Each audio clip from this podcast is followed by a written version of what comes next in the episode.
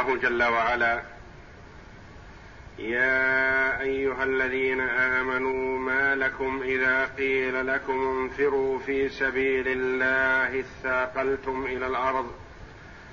أرضيتم بالحياة الدنيا من الآخرة فما متاع الحياة الدنيا في الآخرة إلا قليل.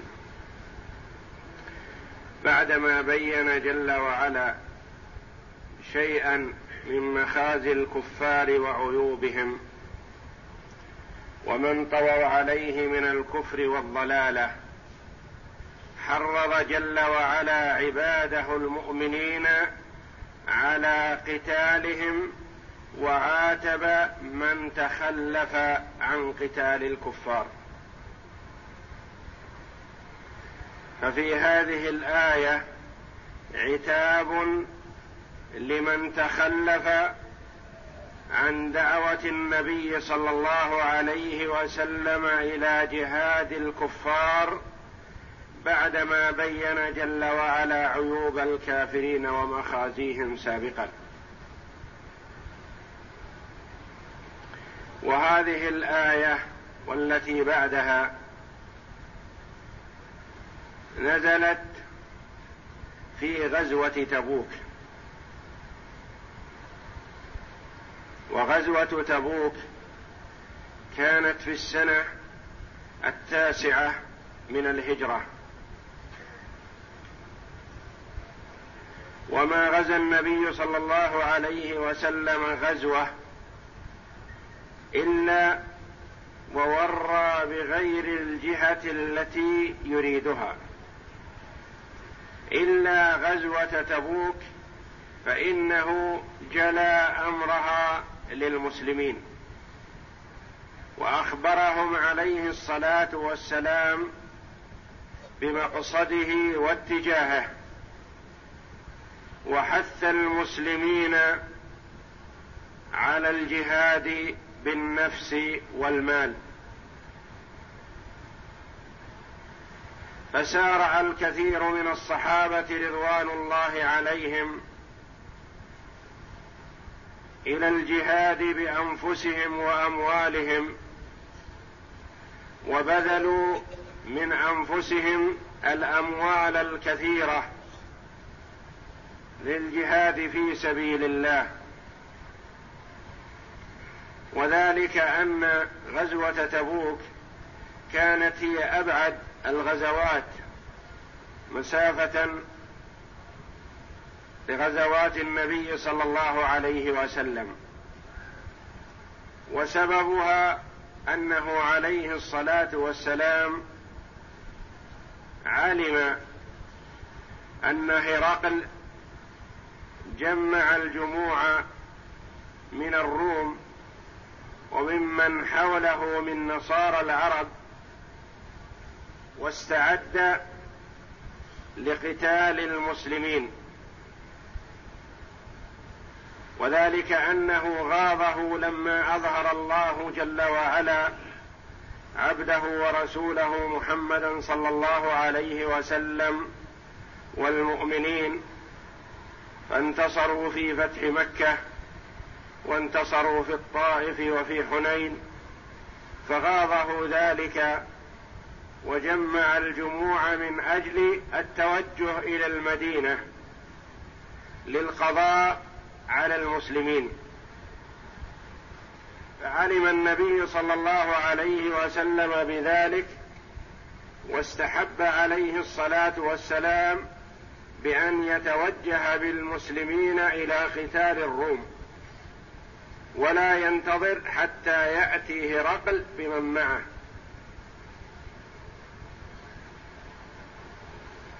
فرغب صلى الله عليه وسلم المسلمين في الجهاد ودعاهم لذلك.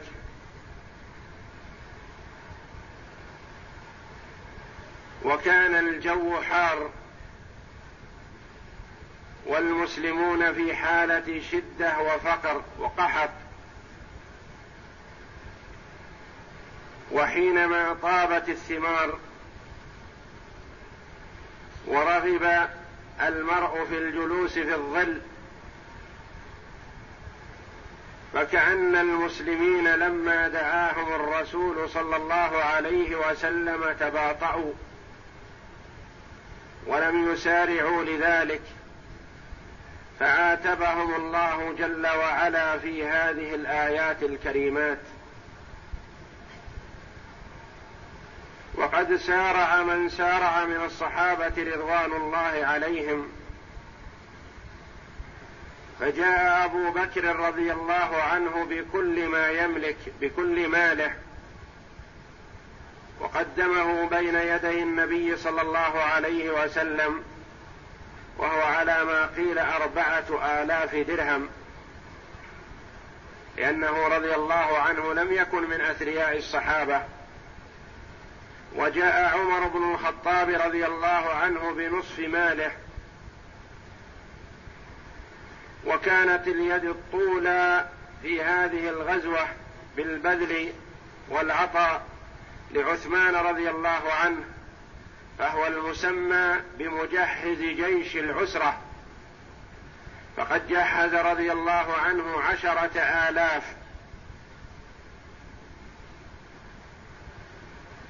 ومونهم بعشرة آلاف دينار. وجهز تسعمائة بعير ومائة فرس وبذل كبار الصحابة وأغنياءهم رضي الله عنهم كطلحة بن عبيد الله وعبد الرحمن بن عوف وتسابقت النساء المؤمنات بالبذل في هذه الغزوة فكن يقدمن للنبي صلى الله عليه وسلم ما يملكن من حلي لتموين المجاهدين في سبيل الله. فتجمع مع النبي صلى الله عليه وسلم جيش كثير. قيل ثلاثون ألفا وقيل أربعون ألفا وقيل سبعون ألف مقاتل. خرج بهم النبي صلى الله عليه وسلم متوجها إلى تبوك وبعدما خرج من المدينة عقد الألوية ونصب الرايات عليه الصلاة والسلام وسلم لواءه الأعظم بيد أبي بكر ورايته بيد الزبير بن العوام. وأعطى الصحابة رضي الله عنهم من المهاجرين والأنصار رايات قبائلهم. وتوجه صلى الله عليه وسلم إلى تبوك.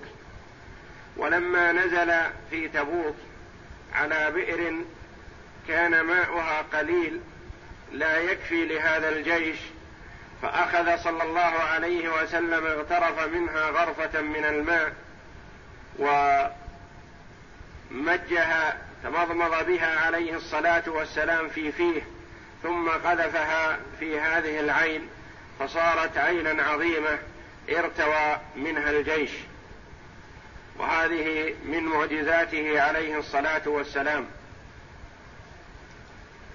وأقام عليه الصلاة والسلام في تبوك سبعة عشر يوما وقيل عشرين يوما ولم يلق عليه الصلاة والسلام عدوا ولا حربا بل رد الله جل وعلا كيد الظالمين في نحورهم ولما علموا بمخرج النبي صلى الله عليه وسلم وتوجهه إليهم تقهقروا.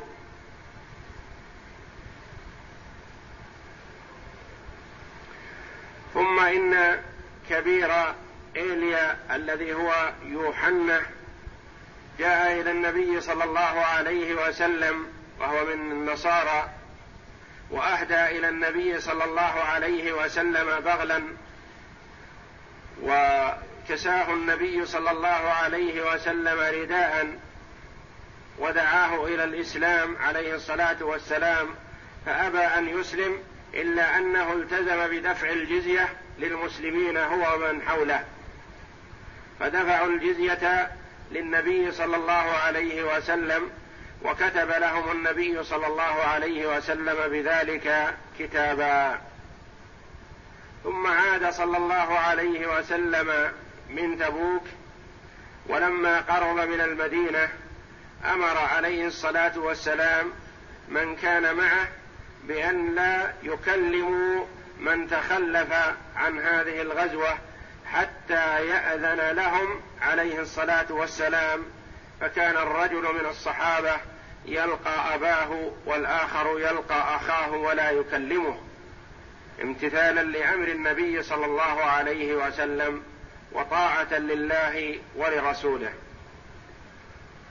ثم جاء المتعذرون منهم فعذر عليه الصلاة والسلام من عذر وأرجع من أرجع كما بين الله ذلك في كتابه في قصة الثلاثة الذين خلفوا أي أمر النبي صلى الله عليه وسلم بأن لا يكلموا حتى يتوب الله عليهم فتاب الله جل وعلا على عباده المؤمنين ثم أمر النبي صلى الله عليه وسلم بكلام وتكليم من أمر بالامتناع منه.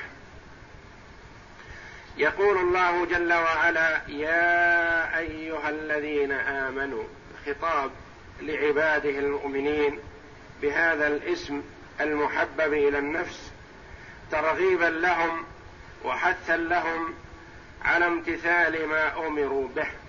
يا أيها الذين آمنوا ما لكم إذا قيل لكم انفروا في سبيل الله اثاقلتم إلى الأرض؟ ما لكم؟ أي شيء يمنعكم من الخروج مع النبي صلى الله عليه وسلم لما قال لكم انفروا في سبيل الله؟ والنفر الخروج بسرعة. النبي صلى الله عليه وسلم طلب منكم الخروج فتباطأتم. لما ما المانع؟ أرضيتم بالحياة الدنيا من الآخرة؟ هل فضلتم الدنيا؟ فضلتم الراحة في الدنيا والإقامة في الظلال وعلى الثمار؟ على جنة عرضها السماوات والأرض. فما متاع الحياة الدنيا في الآخرة إلا قليل. لا يقاس متاع الدنيا بمتاع الآخرة. لتباون ما بينهما. فمتاع الدنيا يذهب. ومتاع الآخرة باق.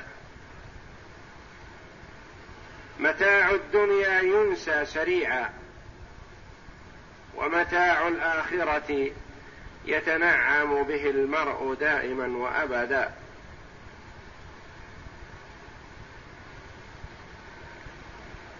متاع الدنيا عاقبته للزوال ولا محالة. لا محالة أنه سيزول مهما عمر المرء فيه ومهما طال عمره ومهما بقي في النعيم. ومتاع الآخرة باق لا يزول.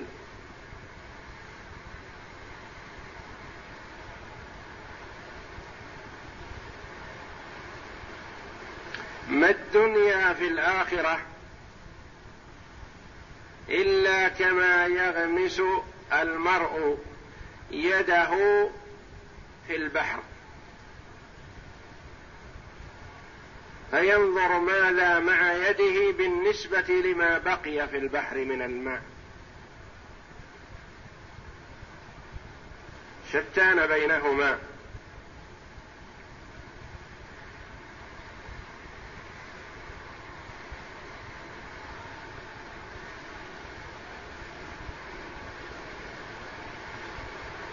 الكثير من الناس يجتهد للدنيا ويبذل كل ما يستطيعه من جهد لراحة في الدنيا وينسى الآخرة التي هي دار القرار. والدنيا مهما عمر فيها المرء إذا جاءه ملك الموت فكأنه لم يوجد فيها إلا ساعة.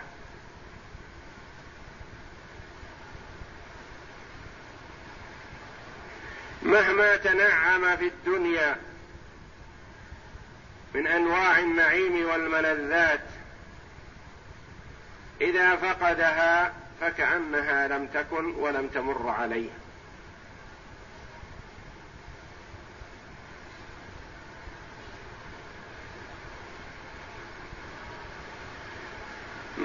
لكم إذا قيل لكم انفروا في سبيل الله. ما لكم؟ محلها من الإعراب مبتدأ وخبر. يعني ما الاسم استفهام.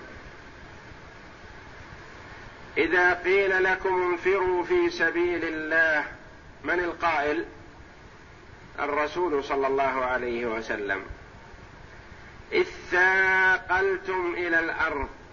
اذ ثاقلتم أصلها تثاقلتم. تثاقلتم.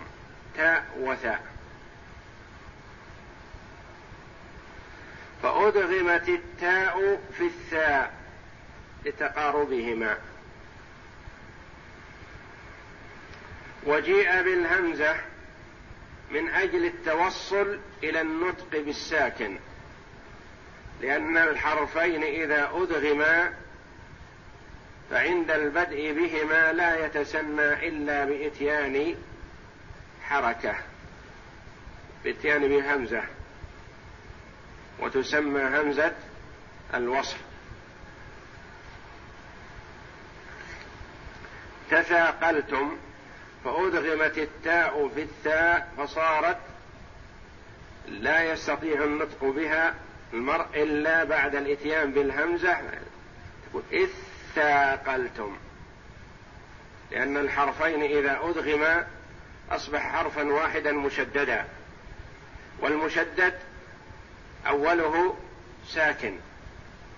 والساكن لا يستطيع المرء أن يبدأ به وإنما يأتي بمحرك بحركة قبله فيتوصل إلى النطق في الساكن.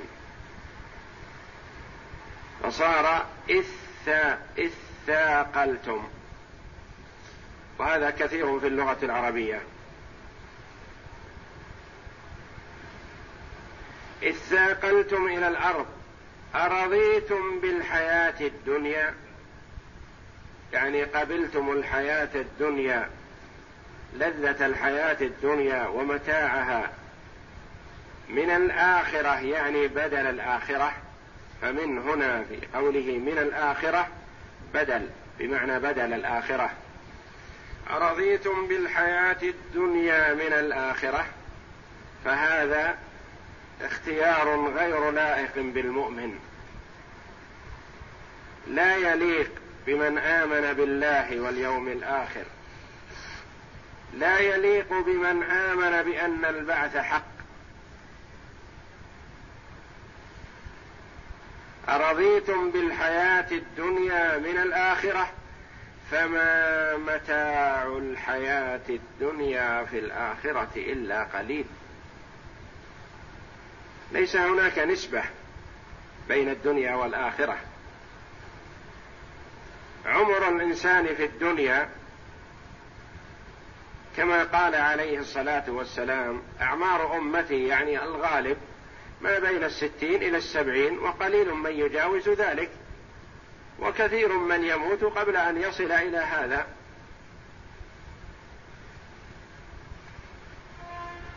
فهي كلها ليست بشيء بالنسبة لعمر الآخرة أن عمر الآخرة باق مستمر دائما وأبدا.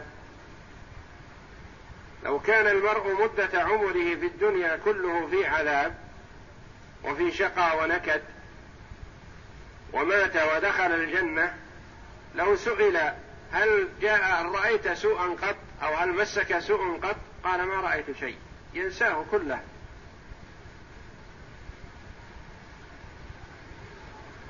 ولو كان المرء في الدنيا في نعيم وفي منتهى المتعة والأنس ثم مات على نعيمه ومتعته وسعادته الدنيوية فأدخل النار. أو مس بشيء من عذاب القبر. ثم سئل بعد ذلك هل مر بك نعيم أو رأيت نعيما؟ لقال ما رأيت شيئا ونسي كل ما مضى من النعيم. فعذاب الدنيا ونعيمها كله سرعان ما يزول. ولا يليق بالعاقل أن يستجلب ويأخذ نعيم الدنيا مقابل نعيم الآخرة. أما أن يسعى لسعادة الدنيا والآخرة فهذا مطلوب. ربنا آتنا في الدنيا حسنة وفي الآخرة حسنة وقنا عذاب النار. لكن إذا تزاحمت إما نعيم الدنيا وعذاب الآخرة والعياذ بالله أو عذاب الدنيا ونعيم الآخرة. نسأل الله الكريم فضله. فلا مقارنة بينهما لدى العاقل وأما غير العاقل فقد يقدم أو يقدم نعيم الدنيا على نعيم الآخرة لأن قصور العقل يجعل المرء ينظر إلى الشيء الحاضر ولا يهتم بالبعيد. يقول الله جل وعلا فما متاع الدنيا في الحياة الدنيا في الآخرة إلا قليل.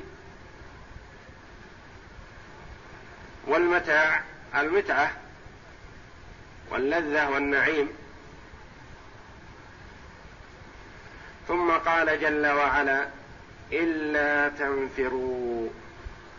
أصلها إن لا تنفروا. إن الشرطية إن لا تنفروا. أين جواب الشرط؟ يعذبكم عذابا اليما ويستبدل قوما غيركم ولا تضرونه شيئا. إن لا تنفروا فأدغمت إن الشرطية في اللام فصارت إلا إلا تنفروا. إلا تنفروا تنفروا يعني تخرجوا مسارعين. للجهاد مع رسول الله صلى الله عليه وسلم. يعذبكم عذابا اليما. لم يقل جل وعلا في الدنيا ولم يقل في الآخرة لأن عدم الخروج مع النبي صلى الله عليه وسلم قد يسبب عذاب الدنيا فقط. ويعفو الله عن عذاب الآخرة لإيمان المرء. وقد يسبب عذاب الآخرة وقد يسببهما معا. ولهذا قال بعض المفسرين في الدنيا والآخرة وبعضهم قال يعذبكم عذابا اليما ولم يقل قال في الدنيا أو في الآخرة.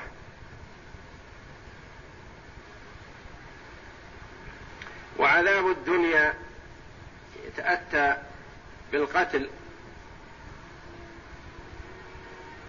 والقحط والجوع والمرض وأنواع الشدة وعذاب الآخرة في نار جهنم والعياذ بالله.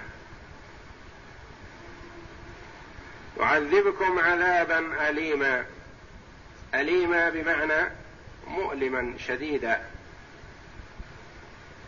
وقد روي عن ابن عباس رضي الله عنه أن النبي صلى الله عليه وسلم دعا طائفة من العرب للخروج في هذه الغزوة فلم يخرجوا فحبس الله عنهم المطر. فيرى ابن عباس رضي الله عنه أن العذاب الأليم في الدنيا. ويستبدل قوما غيركم.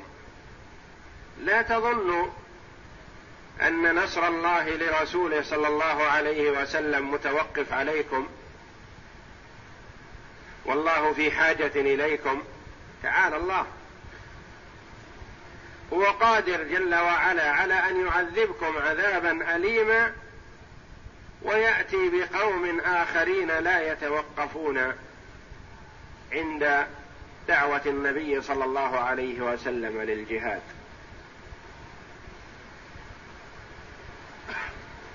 ويستبدل قوما غيركم. يأتي بقوم آخرين بدلكم. وليس الله في حاجة إليكم. ولا يتوقف النصر على مساعدتكم أو خروجكم. ولكن خروجكم فيه كرامة لكم ونفع لكم أنتم. وإلا فالله جل وعلا غني. هو جل وعلا حينما يطلب من عبده الإنفاق في سبيله. يطلب من عبده العمل الصالح. يطلب من عبده أن يبذل نفسه لإعزاز دين الله. هو جل وعلا ليس في حاجة إلى عبده. ولكن كرامة من الله جل وعلا لعبده يطلب منه ذلك. فإن استجاب أكرمه الله وإن لم يستجب فالضرر على نفسه والله جل وعلا غني. لا تنفعه طاعة المطيع ولا تضره معصية العاصي. ولا يتوقف نصر الله لعباده المؤمنين على قيام الناس بذلك بل إن قاموا بذلك أجروا وإن لم يقوموا فالله جل وعلا ممض ما أراده من النصر. بأي وسيلة جل وعلا؟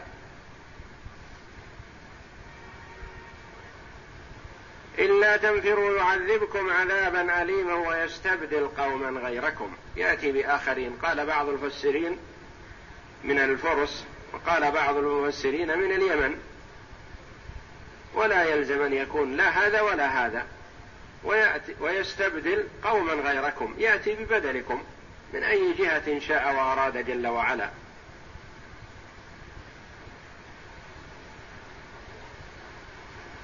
ولا تضروه شيئا. لا تضروه. الضمير في تضروه يعود إلى من؟ قيل إلى الله جل وعلا وقيل إلى الرسول صلى الله عليه وسلم. لا تضروا الله بعدم خروجكم أو لا تضروا الرسول صلى الله عليه وسلم بعدم خروجكم. وهو معطوف على جواب الشرط. ولهذا قال جل وعلا ولا تضروه شيئا. ولا تضروه معطوف على جواب الشرط فهو مجزوم بحذف النون. ولو لم يكن معطوفا على الجواب لقال ولا تضرونه. ولا تضروه شيئا. عدم خروجكم لا يضر الله وإنما يضر تضر تضرون به أنفسكم. والله على كل شيء قدير. كل من ألفاظ العموم. قادر على كل شيء.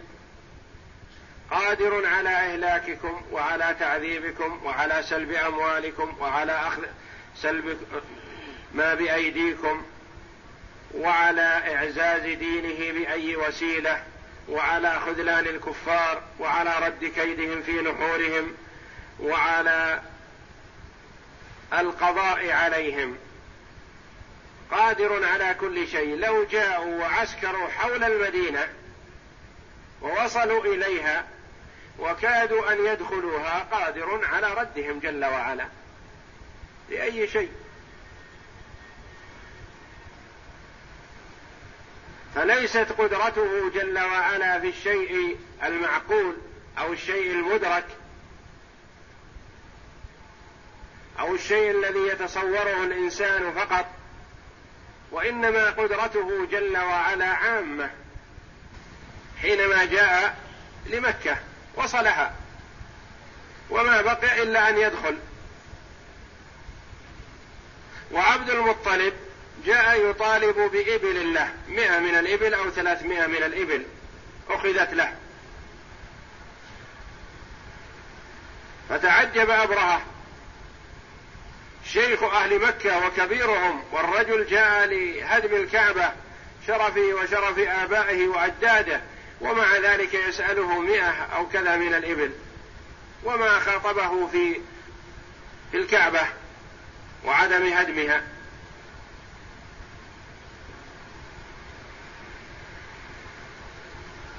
فقال عبد المطلب أنا رب إبلي وللبيت رب يحميه. وربما أن امرأة سخر منه في هذه الكلمة لكن هذه كلمة عظيمة. ربما أنه سخر من كيف يحميه؟ الرب كيف يحمي بيته؟ حماه جل وعلا بما قص الله علينا في سورة الفيل. ألم تر كيف فعل ربك بأصحاب الفيل؟ ألم يجعل كيدهم في تضليل؟ وأرسل عليهم طيرا أبابيل ترميهم بحجارة من سجيل فجعلهم كعصف مأكول. كل ما في الكون جنده جل وعلا وخلقه وعبيده ومسخرون بأمره. طير الواحد الضعيف الحقير الصغير بقدرة الله جل وعلا وقوته وإرادته يقتل ثلاثة فوارس. معه ثلاثة أحجار طير ضعيف. لما لم يكن هناك مسلمون يدافعون عن البيت الطير أمرها الله جل وعلا بأن تدافع عنه. الطير الحقير الصغير أقل من العصفور معه ثلاثة أحجار صغيرة أقل من حصى الجمار. حجران في كل مخلب من مخالب رجليه وحجر في منقاره. ولا يخطئ حجر صاحبه. ثلاثة أحجار لثلاثة فوارس. يخرق البيضة التي على الرأس. وينفذ إلى الجسم كله ويصل إلى الفرس فتنزل في الأرض. فتميته. وكل الجيش العظيم لم يبق منه إلا واحد بأمر الله جل وعلا. يذهب هذا الواحد إلى بلاده ويخبر بما حصل وطيره يسير معه بأمر الله. فلما أعطى الخبر كاملا نزل عليه حجره فاهلكه في مكانه. قدرة الله جل وعلا. فلا يستضعف الإنسان ضعيف. مهما كان ضعيفا فبقدرة الله جل وعلا يكون قويا. والله على كل شيء قدير. ختام عظيم. ومناسبة جيدة في معنى ما سيق من الآيتين السابقتين. والله على كل شيء قدير. فهو جل وعلا ليس به حاجة إلى خلقه. لا في قديم الزمان ولا في آخره هو غني عن خلقه ويأمر بالإنفاق وهو غني جل وعلا يأمر بالبذل وهو غني. وإنما ما يفعله المرء لنفسه وما تقدموا لأنفسكم من خير تجدوه عند الله هو خيرا وأعظم أجرا. والله على كل شيء قدير. وهو قدير جل وعلا على كل شيء وكل من ألفاظ العموم التي تدل على ما صغر وما كبر. والله على كل شيء قدير. وفي هذا حث وترغيب للمؤمنين بالاستجابه لأمر الله وأمر رسوله صلى الله عليه وسلم لمن نزلت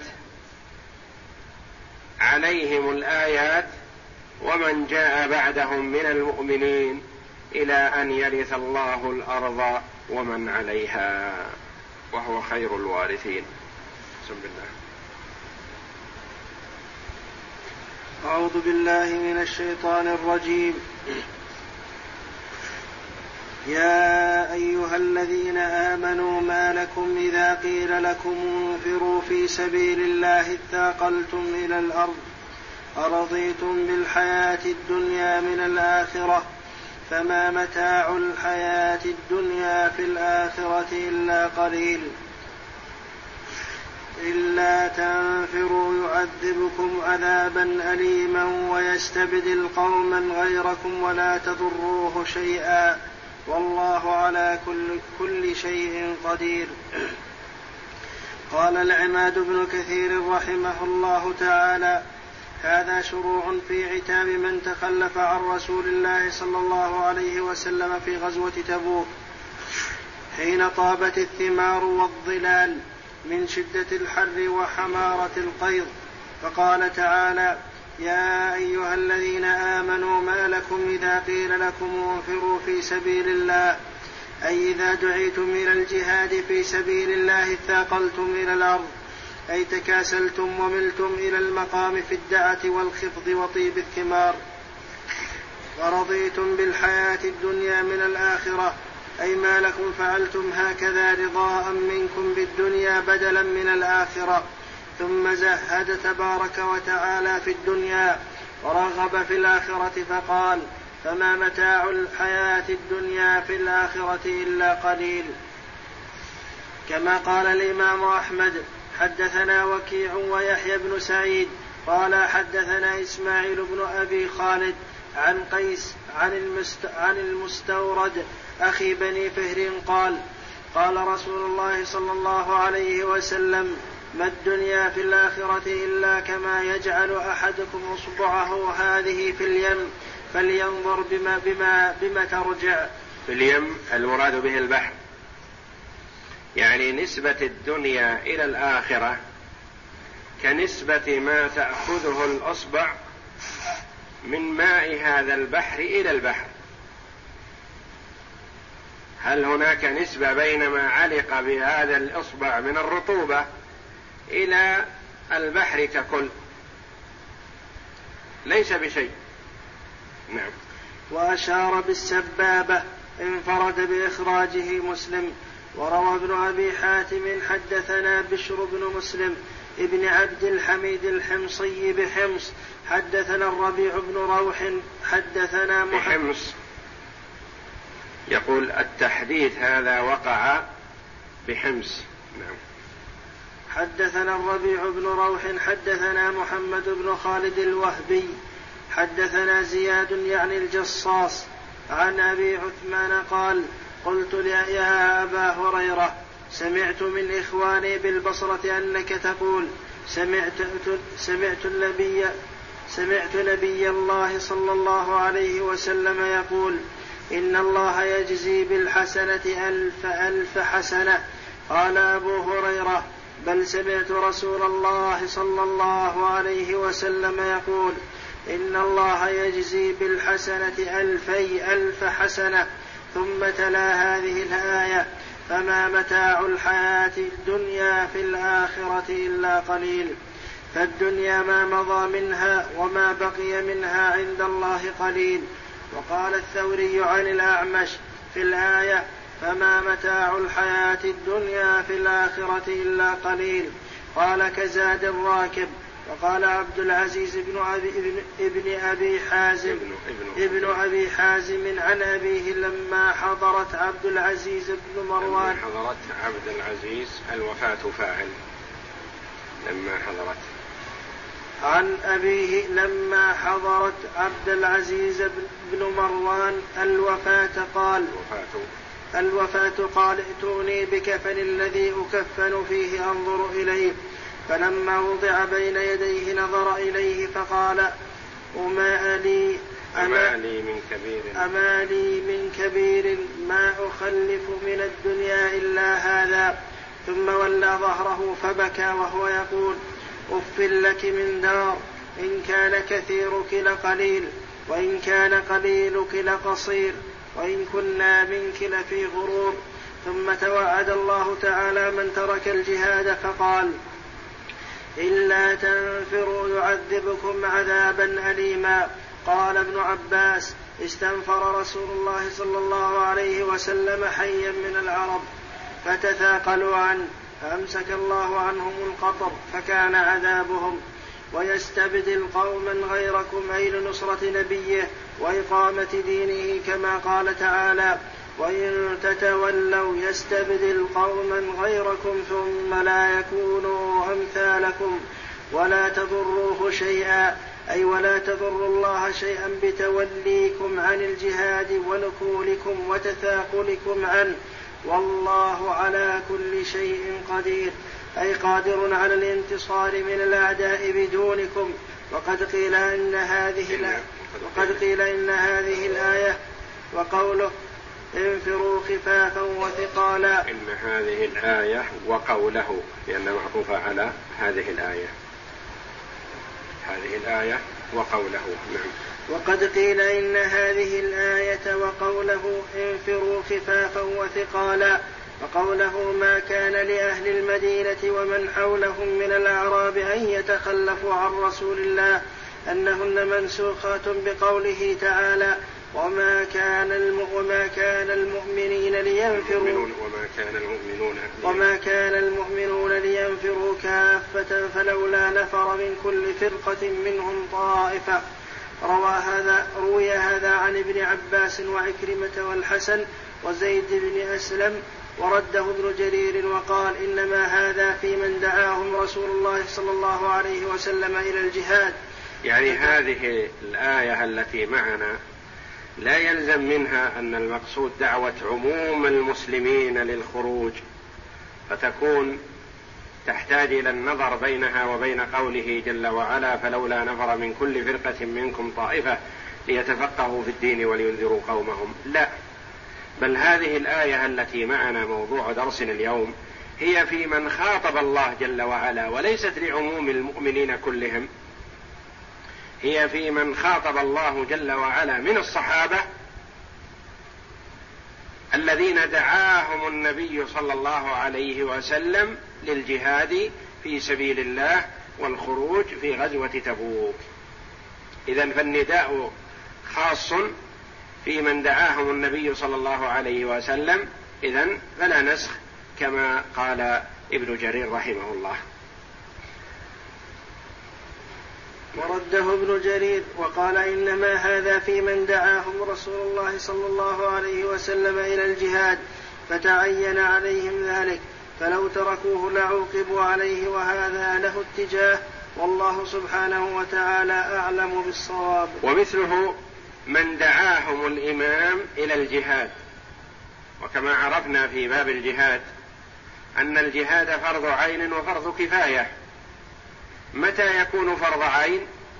إذا دعا الإمام الناس إلى الخروج تعين عليهم. وكما قال عليه الصلاة والسلام وإذا استنفرتم فانفروا. لا هجرة بعد الفتح ولكن جهاد ونية. وإذا استنفرتم فانفروا.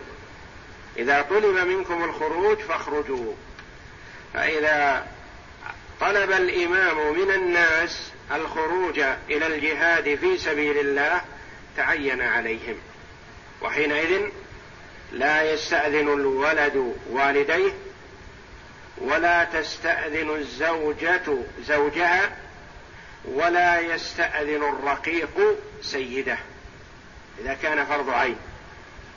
وما دام فرض كفاية فهؤلاء لا يخرج إلا بعد استئذان من يستأذنونه. وفرض الكفاية إذا قام به من يكفي سقط الإثم عن الباقين. وفرض العين هو الواجب على الجميع. ومثل هذا مثال هذا صلاة الجنازة وصلاة الفريضة. صلاة الجنازة فرض كفاية. إذا قام بالصلاة على الجنازة جمع من الناس لا يأتم أحد وهؤلاء الذين صلوا يؤجرون. وصلاة الفريضة لو صلى مئة وتخلف واحد من هؤلاء المئة أو ممن زاد على المئة تخلف واحد أثم. لأنه يتعين عليه كما يتعين على إخوانه.